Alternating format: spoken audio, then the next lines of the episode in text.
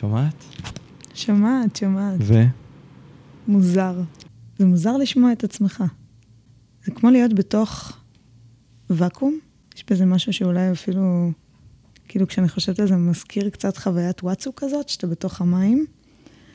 וכאילו זה ברמה שקצת משכתי באף קודם, ושמעתי את זה, וזה היה ממש מוזר. אני חושב שהחוויה הכי טובה שאפשר לתאר איך להרגיש להיות עם אוזניות ולדבר מול המיקרופון בו זמנית, זה כשאנחנו עושים מתחת למים, כשהאוזניים נמצאות מתחת למים גם כן, ואז אנחנו יכולים לשמוע את עצמנו מהממים. יש משהו ש... שגורם לך לחשוב יותר בבהירות כשאתה עושה את זה. אוקיי. Okay. וזה קצת מלחיץ. כאילו אתה שומע את עצמך ב... את עצמך, נקודה. אתה מודע. כן. אחת המשתתפות בסדנה שלי, כשהיא פעם ראשונה חוותה את זה, בערך דקה היא עשתה ככה. היא נהנתה לשמוע את כל הצלילים שיוצאים לה מהפה, כי הכל הרי מועצם. כן. דווקא, דווקא אותי זה שם באיזה פוזיציה כזאת של, אה, אוקיי, זה הקולות שיוצאים ממני כשאני אה, מקנחת את האף? כאילו, התשובה היא כן.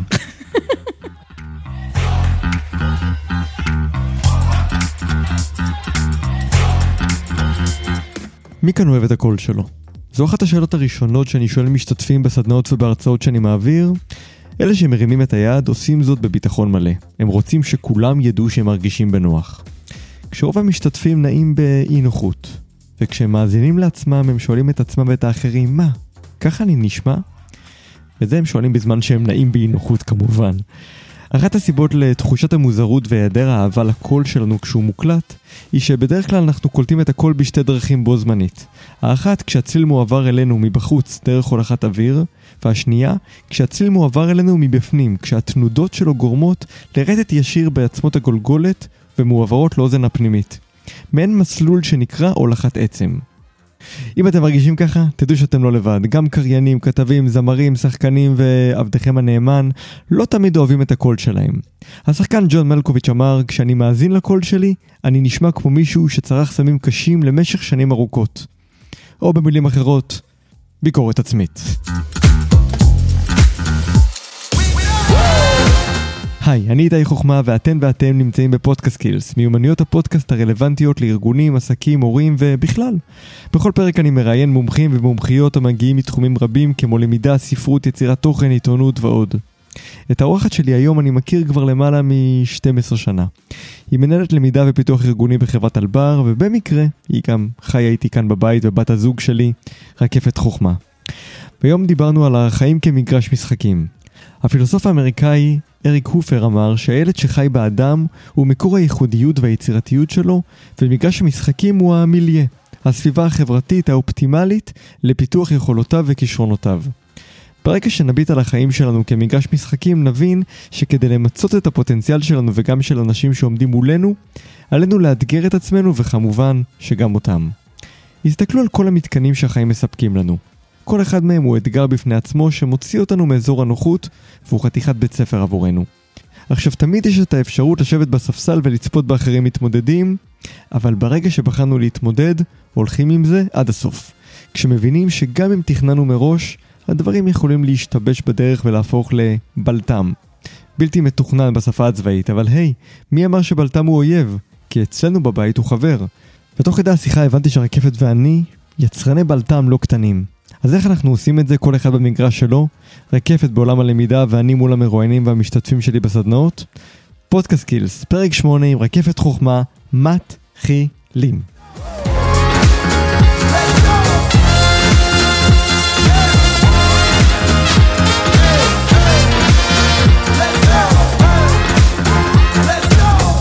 שלום לרקפת חוכמה. שלום איתי חוכמה. מנהלת הדרכה ופיתוח ארגוני בחברת אלבר. מנהלת למידה ופיתוח ארגוני בחברת. כבר, כבר נפלתי, כבר נפלתי. אני רוצה לראות בן אדם שמצליח לדייק בתואר של בן או בת הזוג שלו. אתגר. רוצה לנסות אותי? את חיה אותי כל הזמן, כאילו את, את מתבחבשת איתי כל הזמן, ואני בואי, אני עצמאי, זה נורא קל. פה זה כאילו, אין, אין פה סמנטיקה לא, אצלי. לא, אני מעולם לא הצגתי אותך כהוא עצמאי. אז לא. איך את מציגה אותי? איך שאתה הצגת את עצמך. הוא איש רדיו, פודקאסטר, יש לו עסק מגניב לאללה, עושה, עכשיו מתעסק בכל מה שקשור לעולם הסקילים. לא יודעת, נראה לי... שמחה לדעת שאני משווקת אותך היום. אוקיי, טוב, בסדר, יאללה. בוא נתחיל באמת. ואנחנו פה הולכים לדבר על המקום המקצועי. שנינו מתעסקים בדבר שאנחנו מאוד מאוד אוהבים. נכון. וכשחשבתי איך אני יכול לדבר איתך, ובאמת, לאיזה כיוונים אני יכול לגלגל את השיחה איתך, חשבתי על הגשמת חלומות, ובאיזשהו מקום אני יכול להעיד על עצמי שאני ילד שנמצא בגוף של אדם מבוגר, so called, שמשחק בתוך מרגש משחקים. הנה תראי עכשיו אנחנו כל המשחק הזה של לשים את האוזניות והחיבורים למיקרופונים, מבחינתי זה משחק, אני נורא נהנה. עכשיו מהצד אולי לא ראית כמה אני נהנה כי הייתי מאוד מפוקס, אבל נורא כיף לי. אני יכול עכשיו שעות להיות מול המיקרופון ולדבר את עצמי לדעת. אז אני, אז בא לי לשתף אותך, כי לא עשיתי את זה קודם. הסתכלתי עליך מהצד, מתארגן ועושה, ו, וכל דבר שאתה נוגע בו בחיבורים ובדברים הקטנים, זה כמו סוג של חרדת קודש כזאת. ואני מסתכלת ואני במין תצפית כזאת מהצד, כי נכון, אני חיה אותך, אבל אני, אני לא ראיתי אותך עושה את זה. אמ, וזה שם אותי באיזה מקום שכאילו אני מסתכלת על איך שאתה עושה את זה, ואני מרגישה אה, שאני יכולה נורא להזדהות איתך. למה? כי יש משהו, אה, לפני, כשאתה בונה תהליך, אה, הכשרה או איזשהו קורס, אה, או איזשהו משהו שאתה מאוד מאוד מאמין בו, בעולם שלי, של הלמידה והפיתוח, ו- וזה משהו שבאמת, זה לא, זה לא בוא נעשה, אה, בוא, בוא נעשה מפגש ונגמר. איזשהו תהליך שבאמת יש מאחוריו חשיבה מעמיקה, ו- ואתה חושב כאילו עם איזה דברים אנשים יצאו ואיזה שינוי זה יכול להוביל.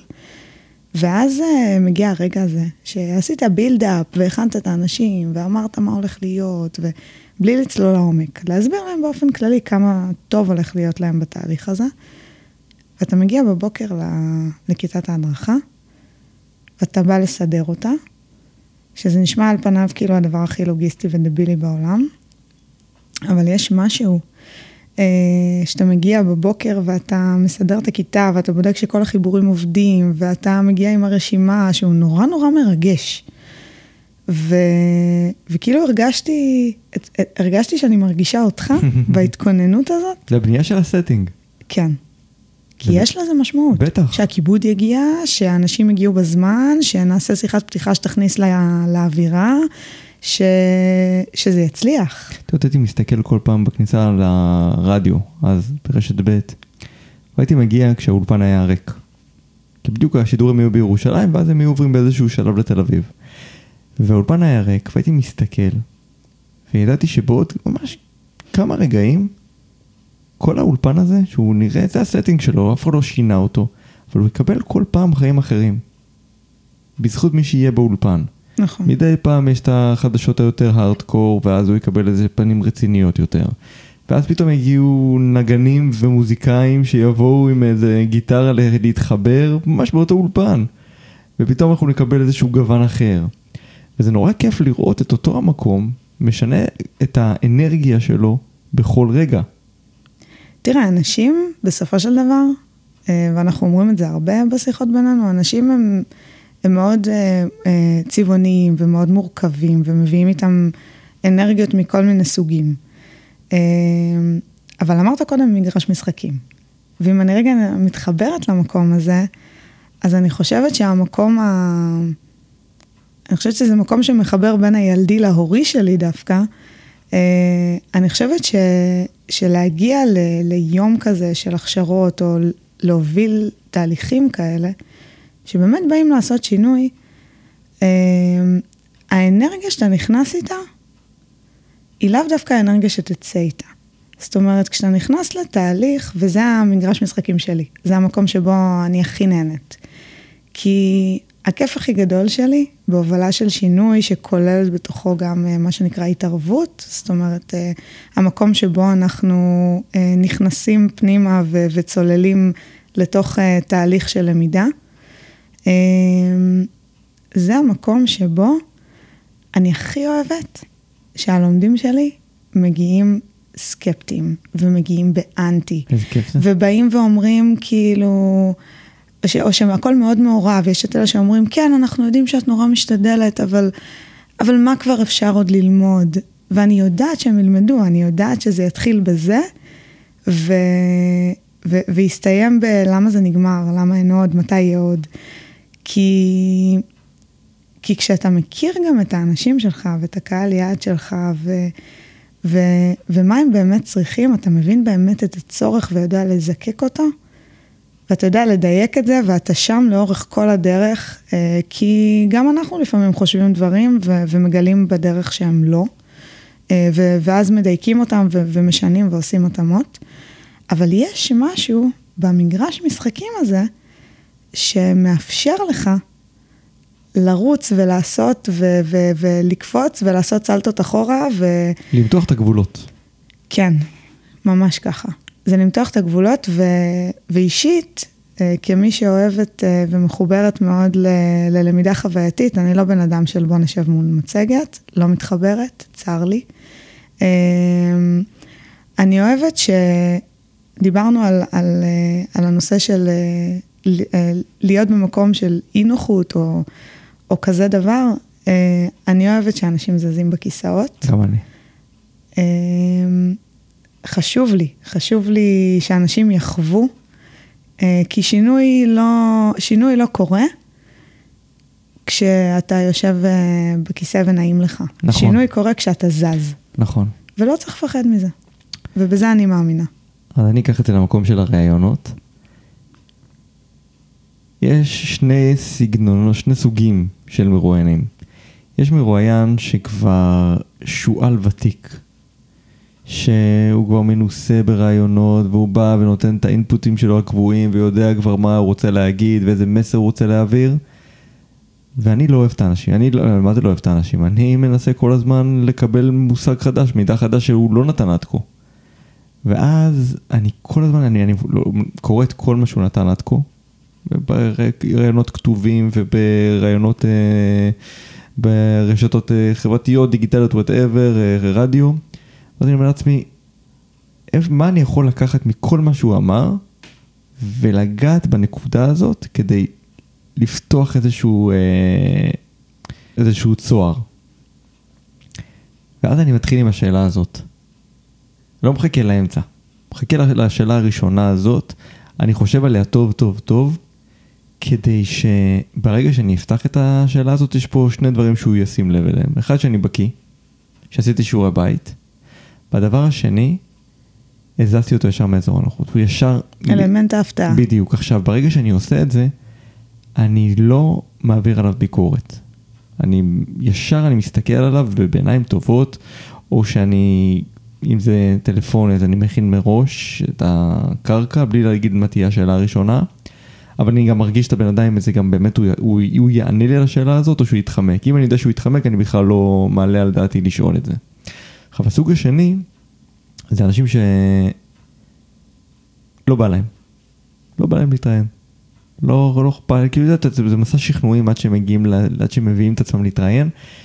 ואז יש פה קושי, יש פה התנגדות ראשונית שעוד לא בכלל, עוד לא, עוד לא פתחת מולם שום שאלה, והם ישר מאוד קפוצים. האגוזים הקשים לפיצוח. מאוד. ואז אני מתחיל עם השאלות הקלות. שאם זה פודקאסט ואם זה הקלטה שאני יודע שאני יכול לערוך, אני, ברור לי שכל השאלות האלה הולכות לי לצאת החוצה ולהישאר על רצפת העריכה.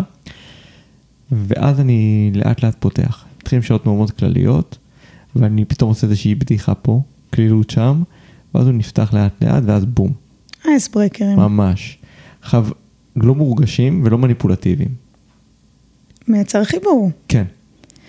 תשמע, בסופו של דבר, וזה מגרש משחקים עבורי דרך כן. אגב, כי אני נורא נהנה מזה. זאת אומרת, אני לא נהנה לראות אדם מובך, אבל אני כן נהנה מהתהליך שבו אני, או, ש... האינטראקציה הזאת היא, היא בעיניי, שאני מגיע בסופו של דבר לתוצאה ששנינו מרוצים, מבחינתי עשיתי את שלי. תשמע, בסופו של דבר, אה, וכאן העולמות שלנו מאוד אה, מתחברים, המטרה של כל אחד מאיתנו, אם זה בריאיון לפודקאסט או ברדיו, אה, או בתהליך למידה כזה או אחר, הוא להעביר בן אדם מנקודה A לנקודה B. אם זה במקום שבו נוח לו ונעים לו לשבת איתך לשיחה והוא מרגיש בנוח, ולכן הוא נפתח ומדבר ומשתף. ואם זה במקום שבו הוא... אם אני מתחברת לשני הטייפקסטים שדיברת עליהם, אז הם גם טייפקסטים מאוד של קצוות, זאת אומרת, אה, בתור, בתור מי שבעברה ראיינה הרבה, יש הרבה, הרבה באמצע, זה לא שחור נכון, ולבן. נכון. אה, אבל כן, זה שני, זה שני הקצוות, אלה שני הקצוות. אה, ואם אני אתחבר לזה, אז באמת בהיבט של, ה, של הלמידה, אז זה לגרום לבן אדם שהיה בנקודה A, אם הוא הטייפקסט הראשון שתיארת, אז אני יודע הכל, מה כבר את יכולה לחדש לי. אמ, ואתה אומר לו, מה אכפת לך, תנסה. מקסימום. תלמד. נכון. אה, והוא בא סקפטי, והוא בא סקפטי, והוא בא סקפטי, והוא בא כי מכריחים אותו, שזה הדבר שאני הכי שונאת מבחינתי, זה אם אתה לא רוצה ללמוד ואתה לא פתוח ללמידה, אז, אז אוקיי, אז בוא נסמן וי. כמו אומנים שהיחצנים מובילים אותם לראיונות בלי שהם רוצים. אה, כן, דוגמה מצוינת. כן. אה, ומצד שני, יש את אלה שבאים וכאילו... יכול להיות שהם רוצים ללמוד, אבל הם מפחדים אה, לעשות את, ה, את התהליך הזה, ו, וכאילו נוח להם במקום שבו הם יודעים את מה שהם עושים, ומה עכשיו אתם, אה, מה שנקרא, אל תזיזו לי את הגבינה. אה, אבל גם אני מאוד מתחברת למה שאמרת, זאת אומרת, אה, כל אחד מהטיפוסים האלה, זה טיפוסים שאתה צריך לדעת איך אה, לחבר אותו לתהליך, ואתה יודע שהרבה פעמים תיתקל בהמון התנגדויות. אה, אבל אני חושבת שזה המקום ש... שבאמת הכי כיף בו. נכון. זאת אומרת, זה האתגר. כן. אלה שרוצים ללמוד ובאים אה, רתומים, הם הכי כיפים, כן? הם כאילו, יאללה, בואו ללמוד ואיזה כיף לנו. אבל האתגר הגדול זה שהמקום שבו אני מרגישה סיפוק בעבודה שלי, זה דווקא לבוא במקום שבו אה, הנושא הוא הכי משעמם. אה, רגולטורי לצורך העניין, שעל פניו הוא כאילו מאוד, אה, מאוד יבש, במרכאות, אה, ולהפוך אותו למשהו נורא מעניין. וכשאתה עושה את זה, אז פתאום אנשים פותחים את העיניים ורואים את זה בפריזמה שלך. כן. וזה הוואו. כי בסופו של דבר העברת מסר יהיה הדבר המרכזי פה. נכון. שיעור היסטוריה בבית ספר יכול להיות שעמום תחת, סליחה על המילה שעמום, יכול להיות באמת ממש ממש משעמם. הכל תלוי במי מעביר לך את השיעור הזה. אני חושבת שאני אני אנסה לדייק. כנ"ל לגבי תנ"ך, כנ"ל לגבי ספרות. כן, נכון, נכון. אמ, גם מתמטיקה דרך אגב. אני חושבת ש, שלאורך השנים שלנו והשיחות שלנו שמעת הרבה דוגמאות לכאן ולכאן ש, כן. שאני חוויתי, אבל, אבל אני, אני יכולה אפילו לנסות לדייק אותך יותר. אני חושבת שזה לא רק המסר, זאת אומרת, אני ברור לי שכשאתה אומר מסר אתה מדבר על איך ומה. אמ, זאת אומרת, מה המסר ואיך אני מעביר אותו. נכון. אבל באמת אני חושבת ש... שאני שוב חוזרת למקום של החוויה, uh, יש משהו כשאנחנו מפעילים את החושים שלנו, uh, והרבה מהם, אז, אז החוויה נצרבת. נכון. Uh, אני יכולה לתת לך דוגמה. אפילו ברמה של, uh, לאו דווקא עכשיו למידה וזה. Uh, לפני המון המון המון שנים, שהייתי נערה, אה, הייתי, כן, הייתי נערה פעם. זה מפתיע. מסתכל עליי במבט כזה כן, מופתע. כן, אני לא חוויתי אותך בתור נערה, אז אני, אני מופתע. זה קרה. אז כשהייתי נערה, הייתי קוראת המון המון ספרים, אה, ו... ולמרות שלפעמים היו כל מיני אה, סדרות בטלוויזיה שהיו לספרים, תמיד העדפתי לקרוא את הספרים, כי יש משהו ב... זה מין חוויה על-חושית כזאת לקרוא ספר, הדמיון מתפרע, נכון. ואתה מרגיש דברים, כאילו יצא לי לא מעט לקרוא כל מיני דברים שהייתי במתח נוראי מצד אחד, mm. ובהתרגשות אה, אה, ודומעת מהצד השני. אני אתן לך דוגמה, אם אנחנו מדברים כן על למידה ועל חוויה, אנחנו היינו משפחה מאוד מאוד מטיילת, אה, ואני בתור... אה, פנאטית של אה, ספרי דבורה עומר בתור ילדה, ככה למדתי את כל היסטוריית אה, עם ישראל ו- וימי המנדט וה- והבריטים והטורקים וה- וכל קום המדינה. ספרים מצוינים דרך ספרים אגב של דבורה עומר. כן. מעולים, שברור לי שכשהילדים שלנו יגדלו, הם, הם יקבלו את ההמלצה ש- שלי לפחות לקרוא אותם. תלוי מה בעלך יגיד. אה, לא נראה לי שתהיה לו בעיה, אבל אה, אחד הספרים, אה, שעובדה שגם פה הייתי, אני חושבת, הייתי ילדה, הייתי בת עשר או אחד עשרה, הספר שנקרא בדהרה, שדיבר בעצם על, על ארגון השומר. ועל, ועל מאני השוחד וזה, ובאמת קראתי את הספר הזה, ואנחנו היינו משפחה מאוד מאוד מטיילת, ו, ואבא שלי תמיד היה לו חשוב שאנחנו נלמד סביב זה, ותמיד היה כל מיני סיפורים מעניינים שהוא היה מוציא. ו, והגיע השלב שבו הוא אמר, טוב, כאילו, תחשבו גם אתם מה מעניין אתכם. וקראתי את הספר הזה, והיינו בתל חי כל כך הרבה פעמים במהלך הטיולים שלנו בצפון. והייתה איזו אנקדוטה בספר שאמרה שמאחורי הפסל של האריה, יש אה, אה, את הקברים של אה, כל אה, לוחמי השומר, ויש שם ציטוט. אני לא זוכרת אותו עכשיו בעל פה, עברו הרבה שנים מאז. אמרתי לאבא שלי, תקשיב, אני ממש רוצה לדעת אם זה נכון או לא. טוב, מבחינתו הסיבה למסיבה, יאללה, נוסעים לכפר גלעדי, נכנסים ל... אה, גם אה, היינו במוזיאון של השומר, ואחרי זה ישר עברנו ל...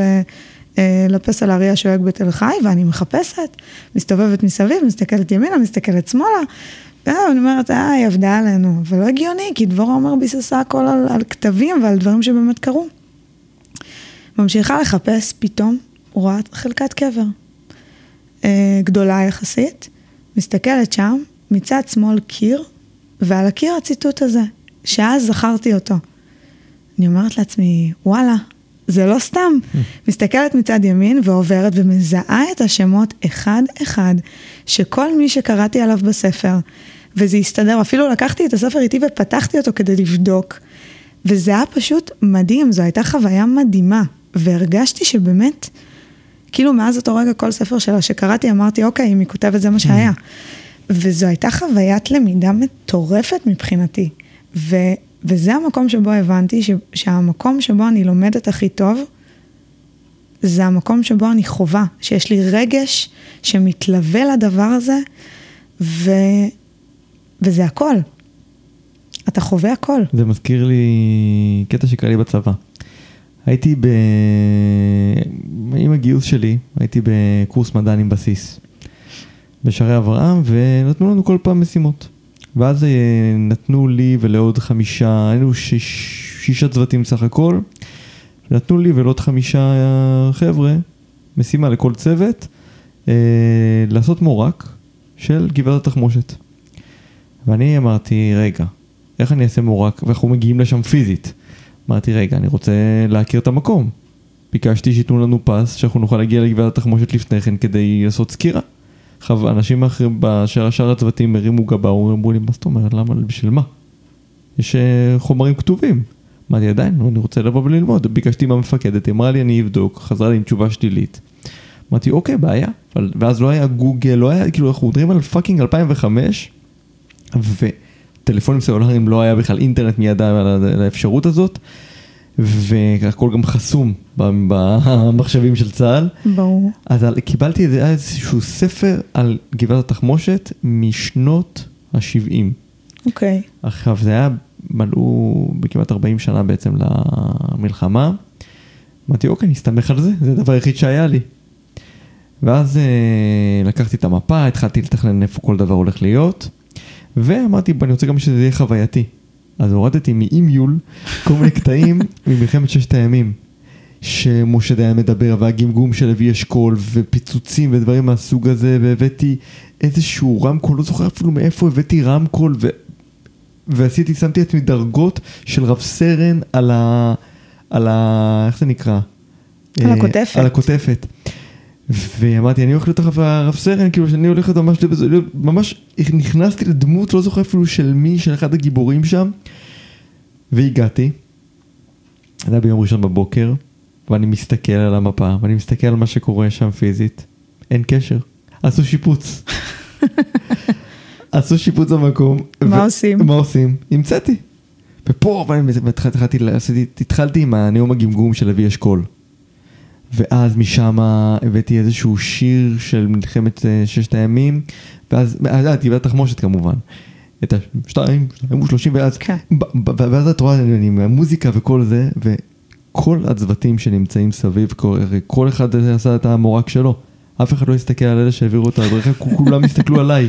כל המדריכים היו בשוק, כולם היו ממש, היו מאופנתים למה שאני עושה. וסיפרתי, ופה הוא נפל, ופה הוא עשה, ופה זה, ופה זה. וזה היה מאוד חווייתי. אתה ממש שחקן מבוזבז. לגמרי, ואז יצאתי מזה, ואני זוכר שכל המפקדים של כל הצוותים האחרים ניגשו אליי, אמרו לי, תקשיב, מה זה היה? וכולם זכרו את זה גם שנתיים אחר כך. והנה משהו שאולי הוא לא, הוא לא טעם את המציאות.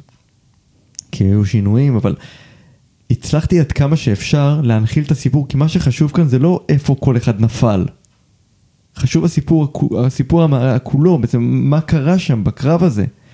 ועשיתי את זה בצורה כל כך מוחשית, עם המוזיקה, ועם הקטע של לוי אשכול הגמגום, ועם החדשות, ו... שזה באמת בעיניי נתן ערך מוסף. וזה העביר את המסר. העביר את המסר. העביר את המסר בענק, ו... ומשם הבנתי שבאמת כדי להעביר מסר, אני... לעשות אותו בצורה יבשושית, לא יעזור קודם כל לי, כי אני משתעמם, ואני אומר את המשפט הזה כל הזמן, כשאני משתעמם, כולם משתעממים. כולם משתעממים, וזה נכון לגבי כל בן אדם. נכון. כשלך משעמם, גם עכשיו אם אני עושה, אני עושה פודקאסט ואני מראיין מישהו, כשאני מאבד עניין, גם המאזין יאבד עניין, כי הקצב שלי נהיה איטי יותר, ואני אני נעשה מאוד, אה, מאוד עייף, יודעת, אין פה עניין, אוקיי. אין קצב. בא לי לשאול אותך משהו. כן, אמרת, סיפרת על הסיפור של גבעת התחמושת, כן. ו... וכאילו אתה באת ואמרת, אה, תכננתי משהו, עשיתי משהו, הגעתי למקום, וגיליתי שכל מה שחשבתי שיהיה שם, זה לא מה שקרה שם. זאת אומרת, אה, היה בלטם. לגמרי. קרה משהו שזה, ונדרשת, אה, לא יעזור לך, אני אלך אה, לעולם משכילים תמיד, אבל נדרשת ל, לגמישות מחשבתית מצד נכון. אחד, אה, ליכולת אלתור מהצד השני, ולהבין שאוקיי, אני צריך לנתח את המצב שקורה כאן, ו, ואני צריך למצוא לו פתרון מיידי, כי אין מה לעשות, בניתי הדרכה והיא צריכה לצאת לפועל. עכשיו, אם אנחנו מדברים שנייה על מקום של, אה, של קבלת החלטות, אז יכולת להגיד, אה, טוב, אני אומר להם, חבר'ה, זה לא מה שתכננתי, תנו לי רגע לראות מה אני עושה.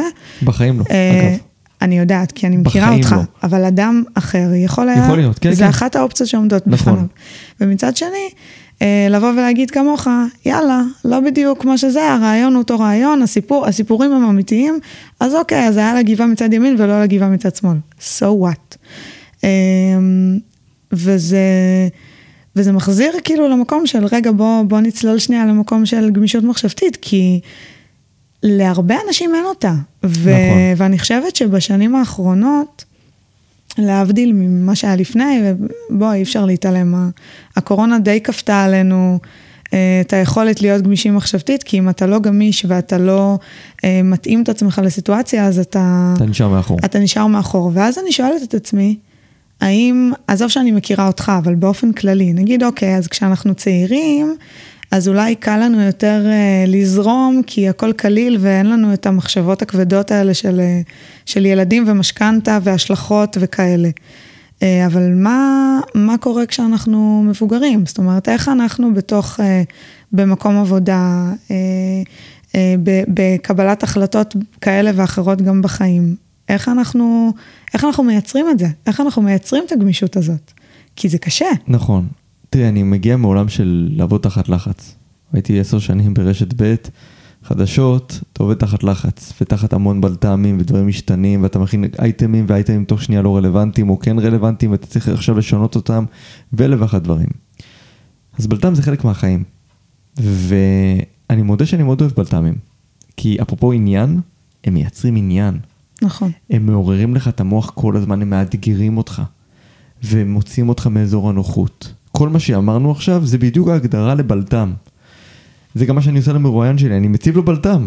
אפרופו כל מה שאנחנו מדברים פה, זה, הכל זה בלת"מים, אנחנו נכון. בעצם נותנים בלת"מים לאנשים בחיי היומיום שלהם, בחיי העבודה, אנחנו מוציאים אותם מהמקום שאליו הם חשבו שהם מגיעים באותו רגע. נכון. זה בלת"ם, אנחנו, אנחנו, מייצרים, אנחנו מייצרי בלת"מים. נכון? עכשיו, בלת"ם הוא לא אויב.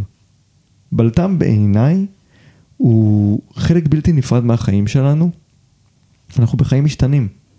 עכשיו, גם, באמת, אפרופו, דיברנו על קורונה, הקורונה שינתה את הכל. אני הייתי, ניהלתי את הפרסים העירוניים בעיריית תל אביב, והיה לי טקס להפיק. טקס של פרס רוזנבלום. אני לא עונה על השאלה שלך. וקורונה. בידודים, סגרים, אלף ואחת דברים, המנחה דרור קרן נכנס לבידוד. לא יכולתי לעשות שום דבר. ואז אמרתי, אוקיי, בוא נעשה טקס בזום. מה זה אומר בזום? שכולם מהבתים, דרור קרן היה צריך לבוא ולהנחות ב front, אמר לי אני בבידוד. כמעט חיפשתי מנחה אחר, ואז אמרתי, אפרופו, הנה, גם זה משתלב. אתה עונה, אתה עונה. אמרתי לא, לא מוותר על אה, דרור קרן. אני רוצה אותו בתור מנחה, הוא רצה להשתתף בתור מנחה, היה לו חשוב גם כן להיות חלק, כי זה של עולם התרבות. אז אמרתי, בוא נעשה משהו מגניב. אנחנו נמצאים בתקופת קורונה, סגרו את עולמות התרבות, אנחנו לא מסכימים עם הסגירה הזאת, בוא נעשה כל מחאה. ואז אמרתי, אוקיי, אני שם במקום דרור קרן, מסך טלוויזיה, שאני מעמיד אותו על איזשהו... אה, יש לנו כאן אורחת. היה לך... יש לנו פה אורחת. אה, שלום. היא עומדת כאן ומסתכלת ולא מבינה מה אנחנו עושים פה, ובאיזה משחק אנחנו משחקים. תיזהרי לולה. אלה הם חיינו. אפשר לעזור לך? את רוצה לשים ראש? אבל לא מפה. לכי מסביב. בואי, בואי מסביב. בואי, תיזהרי על כבל. יופי. וקדימה, שים ראש. אנחנו לא נפריע יותר מדי טוב, שימי ראש. יופי. כן, אלה הם חיינו. כן. אוקיי, אז דיברת אז, על אז. שמתי את המסך טלוויזיה על uh, עמוד, ורציתי להלביש אותו, ואז uh, לקחתי את הבלייזר שלי, שמתי עם קולב, תליתי את זה על העמוד, ואז נראה שבעצם דרור קרן עומד על הבמה, והוא לבוש בבלייזר, ובצילום עשיתי, התחלתי עם זום אין, שרואים את דרור קרן, ומבחינתנו הוא נמצא עכשיו על הבמה. ובזום אאוט שלאט לאט המצלמה עושה, אנחנו מגלים שבעצם הוא נמצא באולם ריק. כשהוא לא נמצא שם בגופו, אלא גם בדרך הזום. כל הזוכים, 12 הזוכים נמצאים בזום. ואז גם עשיתי שיר, ובאמת היה שם איזה משהו שאיבדנו מחאה.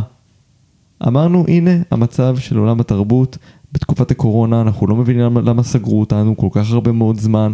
החזרתם את איקאה ואת עולם התרבות לא, הכל היה מאוד מאוד לא ברור. וזו הייתה המחאה שלי. והם הצטרפו למחאה הזאת.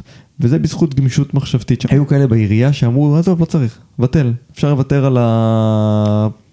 על, ה... על, החלוק... על החלוקה, נעשה, חלוקה פרטנית בלי טקס. ואני דווקא הלכתי... אז, אז בוא, בוא רגע נראה גם את הצד השני, כי אנחנו אנשי האדרנלין, כן. אה, ואנחנו אוהבים שיש לנו נכון. בלת"מים, ואנחנו לא מפחדים מהם, וכשהם מגיעים אז אנחנו, אנחנו בהיי שלנו, אה, שזה גם מצחיק אה, להסתכל על זה ככה. אבל כן, יש אנשים אמ, שפחות אוהבים את ה... אבל בוא נסתכל על הצד השני. למשל, אה, כשיש סיטואציה שבה אה, צריך אה, לבצע איזושהי פעולה, איזושהי משימה, זה יכול להיות מנהל שצריך להתמודד מול העובדים שלו, וזה יכול להיות, אה, אה, זה יכול להיות גם בסיטואציה ש, שפשוט נוחתת עליך.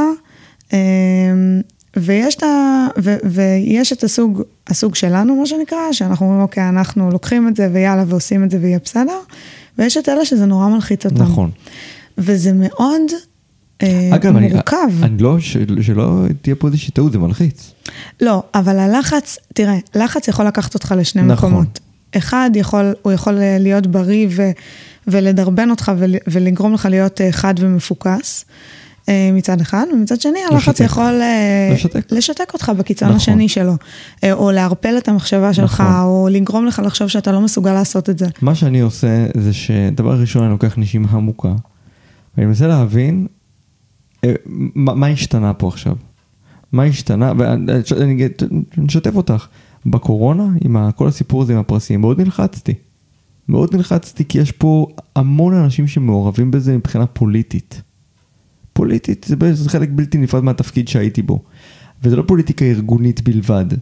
זו פוליטיקה פוליטיקה, כי יש בסופו של דבר ראש עירייה שהוא פוליטי, פוליטיקאי, וחבר מועצה שהם פוליטיקאים. זה כלפי חוץ. אז קבלת ההחלטות שלי לא מסתכמת רק ביני לבין עצמי לבין הבוס שלי, יש פה עוד... כן. אז מה עושים? אז, מה עשית? אז מתייעצים. אוקיי. ולהתייעץ בעיניי זה דבר מאוד מאוד חשוב. לשאול שאלות, לשאול אנשים שאולי יש להם מושג על משהו שלך פחות, שאתה פחות מבין בו. לא שאתה אומר, אני, הייתי, אני מאוד הבנתי בעולם ההפקה והתוכן, אבל לא הבנתי ברמה ההשפעה הפוליטית שיכולה להיגרם, אם תהיה או לא תהיה, ואנחנו מדברים פה על תקופה גם של השפעה פוליטית גם בתחום התרבות, וכל אחד גם רוצה לבוא ולהגיד אנחנו בעד התרבות ובעד להשאיר ונגד כל הסיפור הזה של הסגרים.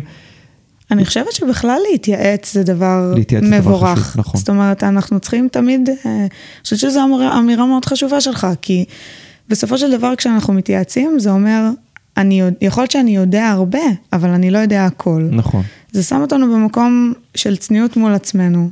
אה, אנחנו יכולים להיות סופר מקצועיים וסופר מבינים, ו, וזה לא בושה לבוא ולהגיד, וואלה, אני אשמע עוד בן אדם אה, מהצד שהוא לא בתוך הסיטואציה, ואני, אה, ואני אלמד ממנו, ואולי נכון. יהיה לו דברים שאני לא חשבתי עליהם, כי אני חיה את הסיטואציה ואני, ואני לא תמיד יודעת, ואני חושבת שזו אמירה מאוד מאוד חשובה. אגב, להתייעץ זה לאו דווקא עם האנשים שנמצאים איתך בעבודה. אפשר אפילו להתייעץ עם חבר, חברה, בן זוג, בת זוג, זה גם בתור התייעצות ראשונית, שפתאום יעזרו קצת להפחית את הפחד ואת השיתוק הזה שאנחנו נמצאים בו. נכון. כי בקורונה, תראו, זה, זה שיתוק שכולנו חווינו אותו. אני לא חושב שהיה בן אדם אחד שלא חווה איזשהו שיתוק, שפתאום מישהו הזיז לנו את החתיכת גבינה, זה כאילו באמת, זה לא, זה, זה לא גבינה. את כל הבלוק. כן, את כל הבלוק, זה, זה, זה חת, וגבינה יוקרתית. כן. אבל באמת, זה היה, הייתה חוויה. אבל לפעמים זה לא, זאת אומרת, אנחנו, אנחנו הקורונה, לא, אנחנו לא חיים בתקופה של קורונה כל החיים. זה מה שאני באה להגיד, אנחנו, זה היה מקרה קיצון. קורונה היא מקרה קיצון מצוין כדי להעביר את, ה, כן. את הנקודה הזאת. אה, ו... ובגלל זה נורא קל תמיד לחזור עליה, אבל אני חושבת שלפעמים יש אה, הרבה סיטואציות שהן יכולות להיראות אה, לאותו טיפוס עם, עם אדרנלין גבוה במצבי לחץ, ש, שאוהב את זה וזה, והלחץ הזה עושה לו טוב, אה, לחשוב שזה כאילו, מה, בקטנה אפשר לחשוב. זה לא בקטנה אף פעם, ו... מבחינתי לפחות. אני מסכימה איתך, אבל אני... אני אומרת, לפעמים אנשים רואים את זה ככה, ואז נכון. אני אומרת, אני חושבת שכשבן אדם נכנס למקום הזה של הקטסטרופה הזאת, זה לא משנה אם אני חושבת שזה משהו מאוד קטן, אם אותו בן אדם מרגיש ככה, אז אני חושבת שמחובתנו, כ... אם זה כמנהלים, אם זה כקולגות בעבודה, אם אנחנו מזהים שבן אדם נמצא במקום הזה, אז אנחנו יכולים לגלות סולידריות, אה, ו, וללכת לאותו אדם ולשאול אותו, א', איך אפשר לעזור, ואם אפשר לעזור. אה, ודבר שני, כמו שאמרת, לקחת נשימה עמוקה, ואולי אפילו להביא כוס מים ולהגיד, בוא רגע, בוא שנייה נצא מהסיטואציה ו- ונסתכל עליה מבחוץ. אני אוסיף עוד משהו אחד לסולידריות. כן. זה לצאת מעולם הציני, כי נורא קל ליפול אליו. נכון. נורא קל כשמישהו נמצא באיזושהי תסבוכת פנימית, להיות ציני כלפיו. או להקטין. יאללה, מה, זה בסך הכל ככה וככה וככה וככה. עבורך אולי זה ככה וככה. בשבילו הוא בסערת רגשות נוראית עכשיו. עכשיו, צאו מהציניות, וצאו, ויכול להיות שזה פגש אתכם באיזשהו מקום, איזשהו קונפליקט פנימי, שזה יוציא מכם את הציניות החוצה, כי אחרת אין לי הסבר למה שתהיה ציני לאיזושהי טלטלה רגשית שאדם אחר עובר. אז זה תגובות. זה תגובות, אה. זה תגובות שכנראה פוגשות את האדם עצמו. אני מזהה מתי אני ציני, אז אני יודע להגיד. כן. אני ציני כש... יש פה איזשהו, איזושהי סיטואציה שפגשה אותי במקום מסוים, כן. שגרמה לי להיות מתגונן, כן. וההתגוננות שלי באה לידי ביטוי בציניות. כן, ובאמת, כמו שאתה אומר, לצאת שנייה מהציניות זה, זה גם טיפ מאוד מאוד חשוב, ואני חושבת שהרבה מעבר לזה, זאת אומרת, לבוא ולשאול את הבן אדם, אוקיי, כאילו, מה, מה עובר עליך ומה אתה מרגיש? ולראות אותו, ובאותה נשימה, אה, אם רגע נמקד את זה למקום של באמת כאילו צוותים שעובדים ביחד, או מנהל שרואה את העובד שלו, אה, זה שנייה להגיד, בוא, בוא רגע, בוא נצא שנייה מהסיטואציה, בוא נצא החוצה, נעשה שנייה זום אאוט. ו, ונראה אה, איך אפשר להסתכל על זה אחרת, ונבין איפה, איפה, מה הנקודה שזה פגע, פגע בך, פגע במרכאות, כן? שזה פגש אותך במקום שהלחיץ אותך ושם אותך בתחושה של קטסטרופה, ובוא נעלה חלופות, ובוא נחשוב ביחד איזה פתרונות יש לנו. והרבה פעמים, אפילו אה, לשים את זה על הנייר, או לכתוב את זה על לוח, או במחשב, או לא משנה, כאילו, על מה, במקום שבו נוח לעבוד, לפעמים שפורסים את הדברים על, על אנחנו עושים את זה הרבה. אה, שאנחנו פורסים את הדברים על, על הדף, אז פתאום הם לא נראים כאלה בדיוק. נוראים, ואנחנו מצליחים להבין, רגע, אוקיי, אז אם את זה נזיז לכאן, ואת ההוא נזיז לשם, ואת זה נעשה ככה, אה, ויכול להיות שנקבל קצת בראש, וזה בסדר, זאת אומרת, אנחנו, שנייה אנחנו רואים את כל התמונה המלאה, ושנייה, ואז פתאום יש את ה... וואו. כן. אוקיי, הנחת רווחה כזאת, שאוקיי, זה לא באמת כזה נורא. זה סוג של, כן, זה ניהול סיכונים. אבל לפעמים צריך לעזור לבן אדם להגיע לגמרי. למקום שהוא יראה נכון. את התמונה המלאה, כי עכשיו, כשהוא בלחץ, והוא לא נבהל, לא והלחיצו אותו ואמרו לו, אני צריך את זה לאתמול, הוא לא רואה אז, כלום. אז הוא לא מצליח. בדיוק. וזה לא אשמתו. נכון, עכשיו אני אגיד עוד טיפ לאדם הזה, זה מה שאני עושה, מוזיקה. מוזיקה שאותו בן אדם אוהב, ורק כדי להרים את המצב רוח. כן. רק כדי להרים את המצב רוח ולשכוח שנייה אחת מהצרה הזאת שהיא קיימת, היא לא תברח לשום מקום גם בעוד שלוש דקות. וגם אמרו לך שצריך את זה לאתמול. שלוש דקות, למען עצמך, למען עצמך, קצת להרים את המצב רוח, לשכוח מהתסבוכת הזאת, ואז להגיע בעיניים אחרות לבחינת המציאות החדשה. אני חושבת שנתת דוגמה נהדרת לזה קודם, אה, לאו דווקא, כאילו גם במוזיקה, אבל אני חושבת שגם הומור רלוונטי פה, זאת אומרת, אמרת קודם, היה אמור להיות לי מנחה על הבמה בטקס של רוזנבלום, והוא הודיע רגע לפני שהוא בבידוד, אז מה עשית? בוא נעשה מזה צחוק, נכון. כי וואלה, באסה שהוא בבית. אבל, אבל לא הגחכתי את זה? לא, לא הגחכה. הומור. הומור. לבוא לקחת, שנייה, אתה יודע, הצחוק משחרר לנו... לחלוטין. אנדרופינים, ו- ומייצר לנו, ומייצר לנו תחושה מאוד אגב, מאוד חיובית. אגב, הומור זה דבר מאוד מאוד יפה, גם כשיש בלטם. נכון. ל- ל- אם, אם עומדים על במה, ופתאום יש בלטם, אפשר להודות בזה. נכון. אפשר לצחוק על הסיטואציה הזאת. נכון. ובואו... זה הרבה יותר מחבר. כן, בואו, אף אחד פה לא מנתח. והאנשים לא ימותו לכם בידיים. אלא אם כן אתם מנתחי מוח. אלא אם כן אתם מנתחי מוח, אבל, אבל, אבל רובנו לא. כן.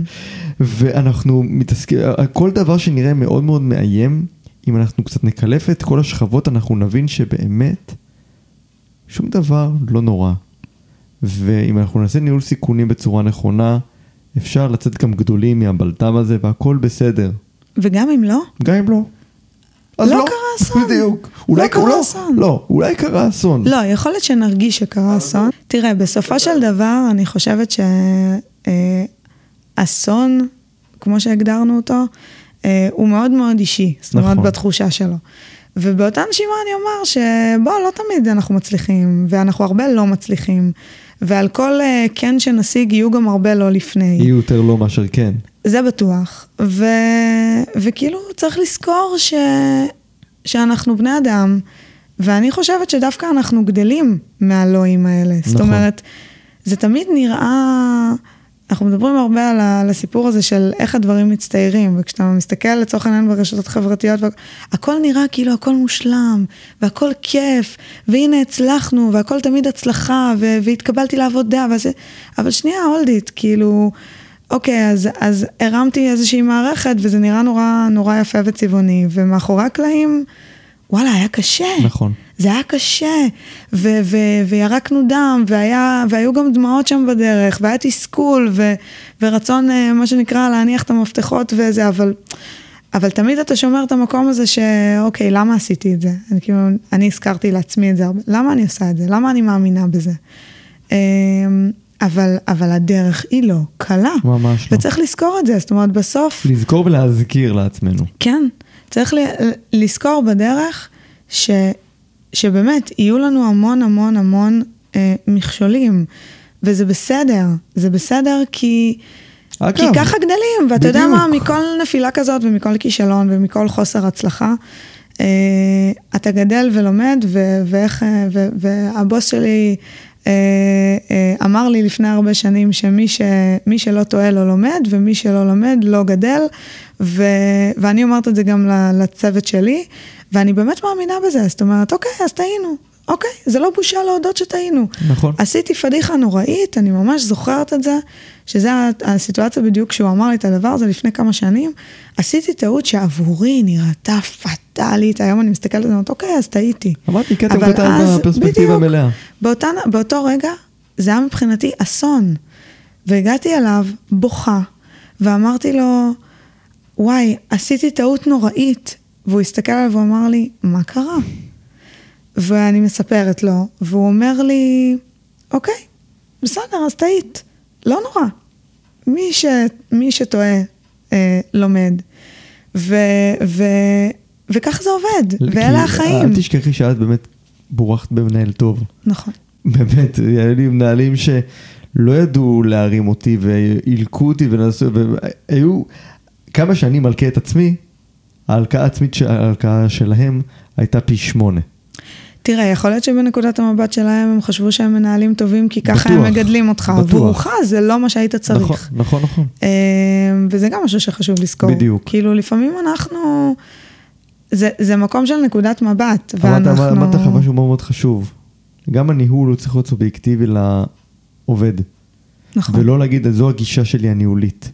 נכון. זה גם לא הגישה ההורית. אני רוצה שאנחנו נסיים רגע לדבר, גם לדבר על, ההור, על איך אנחנו בתור הורים, כי זה מתקשר מאוד. עכשיו, לא איתך, ואנחנו לא הולכים להיות פה מחלדליות, פחות. אבל כי אנחנו, כן אני רוצה לדבר על עולם הלמידה בהקשר של איך שאנחנו אה, מנכיחים את זה גם בבית. כן, כי בעיניי למשל, למידה, תראי, ילדים קטנים, חמש וחצי ושלוש וחצי, אני לא עושה פה עיגולים למעלה. חבל. אבל, נכון, אבל הם לא פה, אחד תהיה שנה, אז אני לא, תתפוס אותי במילה. אה, אבל, ואני אני באמת חושב שעולם הלמידה הוא מאוד נוכח פה. נכון.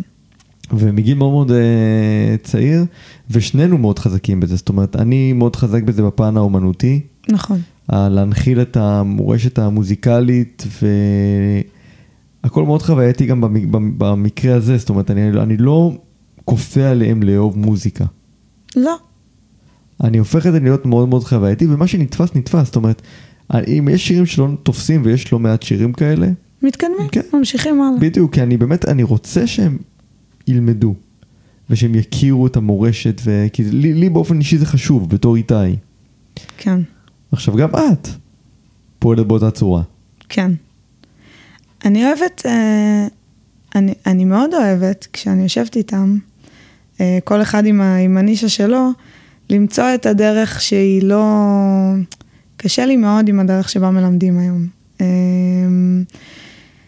והכל מאוד סכמטי ומאוד... אה, אני לא יכולה להגיד מתודי, כי אני לא בטוחה שזה נכון, אה, לצערי. לא בטוח שיש כאן מתודיקה. אה, כן. בדיוק, לא, לא, בטוח, לא בטוחה, לא בטוחה שיש פה איזושהי, איזושהי מתודה מובהקת לדבר הזה, אבל, אבל בסופו של דבר, הלמידה האמיתית קורית תוך כדי אה, משחק, בגיל הזה שלהם. והרבה פעמים כשאנחנו משחקים, אז זה לדברים הכי קטנים. אנחנו עכשיו משחקים, אה, אנחנו עושים אה, פאזל, או משחקים אה, אה, משחק שהמטרה שלו היא איקס, כמו למשל טאקי, אז, אז משחקים טאקי, אחלה. אבל, אה, אבל תוך כדי ש, שלוי ואני משחקים טאקי, אז, אה, אז אני אה, במרכאות גדולות בוחנת, כי המבחן זה לא העניין כאן, מתרגלת, בסדר?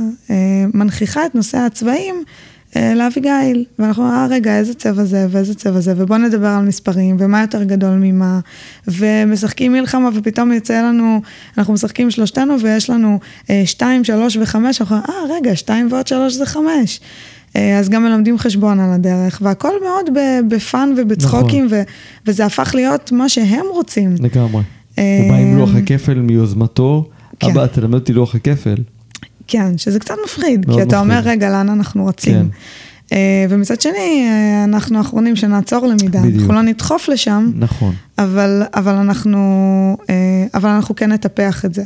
ולא רק את זה, אנחנו גם דיברנו על הרבה מאוד מקום של לחץ ופחד ופחדים שמניעים אותנו, וילדים מונעים מלא מעט פחדים נכון, וחששות. ואני חושב שאנחנו בתור הורים גם צריכים לדעת להעצים את הילדים. נכון. וזה משהו ש... כמו שאנחנו, כמו שאת לצורך העניין מעצימה את העובדים שלך, ובכלל זה נכון, להעצים אנשים זה דבר בעיניי מבורך מאוד. אני חושבת שזה גם חלק מה, מהתפקיד שלי, לא רק כמנהלת, זאת אומרת, בתפקיד שלי המקצועי של מנהלת למידה ו- נכון. ופיתוח ארגוני, התפקיד שלי זה להעצים, להעצים את העובדים ולתת להם כלים ולעזור להם אה, להרגיש טוב יותר ולהיות טובים יותר ולהצליח יותר, שתהיה להם תחושת הצלחה בינם לבין עצמם, לא שהם רק אה, נמדדים וזה קורה. נכון. אז עם הילדים זה אותו דבר. כן. אחד המשפטים שאני מאוד אהבתי שאמרתי לאביגיל ואז גם ללוי, כשהיא התחילה ללמוד, ללמוד לרכוב על אופניים, אין פה למידה מי יודע מה זה עדיין עם גלגלי עזר בכל זאת, אבל כשהיא התחילה לרכוב היא נורא נורא נבהלה, היא נורא נבהלה ונורא חששה. ואמרה לי, אני לא יכולה, אני לא יכולה, אני לא יכולה, אני לא יכולה. ואז אמרתי לה, אין דבר שאת לא יכולה. ובהתחלה זה לא תפס. נכון. והמשכתי עוד להגיד לה את זה, ואז אמרתי לה, את יודעת מה? בואי ביחד נגיד את זה, אין דבר שאני לא יכולה. מחשבה יוצרת מציאות. וברגע שהיא התחילה לחזור על זה בצורה רפטטיבית, היא פתאום קיבלה איזה אנרגיות, והיה לה כוח, והיא עשתה רייסים בשכונה, בעליות ובירידות, והכל היה קטן עליה, ואז זה גם עבר אליו. נכון. ואז אמרתי לו גם כן, אין דבר שאתם לא יכולים. אין דבר שאני לא יכול, אין דבר שאני לא יכולה. ובאיזשהו מקום תפסתי גם את עצמי בלא מעט uh, מקומות, שבהם אני פחדתי. ואז הסתכלתי על שני הבנדיטים האלה, ואני אומר, אין דבר שאני לא יכול. בדיוק באתי להגיד ש... שב... אני חושבת שהאמירה הזאת כלפי הילדים, זאת אומרת, אנחנו מאוד uh, עובדים קשה בזה, מה שנקרא בנאה דורש, נאה כן. מקיים. Uh, ובהרבה סיטואציות אנחנו גם מזכירים את זה אחד לשני. נכון. זאת אומרת, לפעמים אנחנו בכזה, וואי, ואיך אני אעשה, ו... אין דבר שאתה לא יכול, אין דבר שאת לא יכולה. Uh, זה, זה אמירה חשובה. עכשיו, אני חושבת ש, שחלק מזה, וזה משהו שאני מאמינה בו אה, גם בניהול וגם בהורות וגם, אה, וגם בזוגיות וגם בכלל בחיים. אה, העניין הזה של, זה גם אמונה עצמית, אבל גם המקום שבו בעיניי לדרך יש הרבה יותר מקום מאשר לתוצאה. זאת אומרת, יכול להיות שתגיע מא' לב', מנקודה א' לב', אבל בדרך אתה, לא יהיה לך כיף. נכון. ו, ותרגיש שכפו את זה עליך, והיה לך מגעיל, ו, ובסדר, אז הכריחו אותי, אז אני אעשה את זה. אבל, אבל אם מא' לב' הדרך הייתה טובה, ויכול להיות שכשהגעת לב' לא היה לך כל כך נוח בב', אבל היה לך נעים בדרך, זה, זה חוויה שונה לגמרי. נכון. אתה תזכור את זה אחרת, אתה תקבל את זה שאולי הבית הזה הוא לא נחמד כל כך, אבל אתה תחיה איתו בשלווה כי תגיד, וואלה, השקיעו בי, אני מבין למה עשו את זה. הייתה לי חוויה טובה. אז, אז יכול להיות שאתה יודע, גם עם הילדים, הם רצו לעשות משהו והם התאמצו נורא ובסוף זה לא יצא. בסדר, אז קורה. אבל, אבל נהנית מהדרך. זה, זה מה שחשוב. נכון, חוויה. עוד חוויה, לאוסף. וכמו שאמרתי, מגרש משחקים. החיים זה מגרש משחקים. נכון. הכל זה חוויה. לפעמים אתה מנצח, כן. לפעמים אתה מפסיד, אבל אם אתה נהנה מהדרך, עשית את שלך. בדיוק, וכשאתה נהנה, אתה נמצא במגרש משחקים. וגם בתוך מגרש משחקים אתה יכול ליפול. נכון. כמות הפעמים שאני נפלתי ופתחתי את השפה בתור ילד היא עצומה. זה לא אומר שלא חזרתי למגרש משחקים. אבל איך אמרו ברחוב סומסום? אם נכשלת בתחילה, נעשה נשוב ושוב. בדיוק. זה זה. אף פעם לא להתייאש. נכון, ועם זה אנחנו נסיים. בברכת אין דבר שאנחנו לא יכולים. אין דבר שאנחנו לא יכולים. גם למי שחושב שהוא רגע קיבל בלטם רציני והוא בהלם מוחלט ופחד, אין דבר שאתה, את, לא יכולים. חד משמעית. רקפת חוכמה. איתי חוכמה. היה לי לעונג. היה מדהים. תודה רבה לך. תודה לך. את מוזמנת להישאר. אני אקח את ההצעה. ביי. ביי ביי.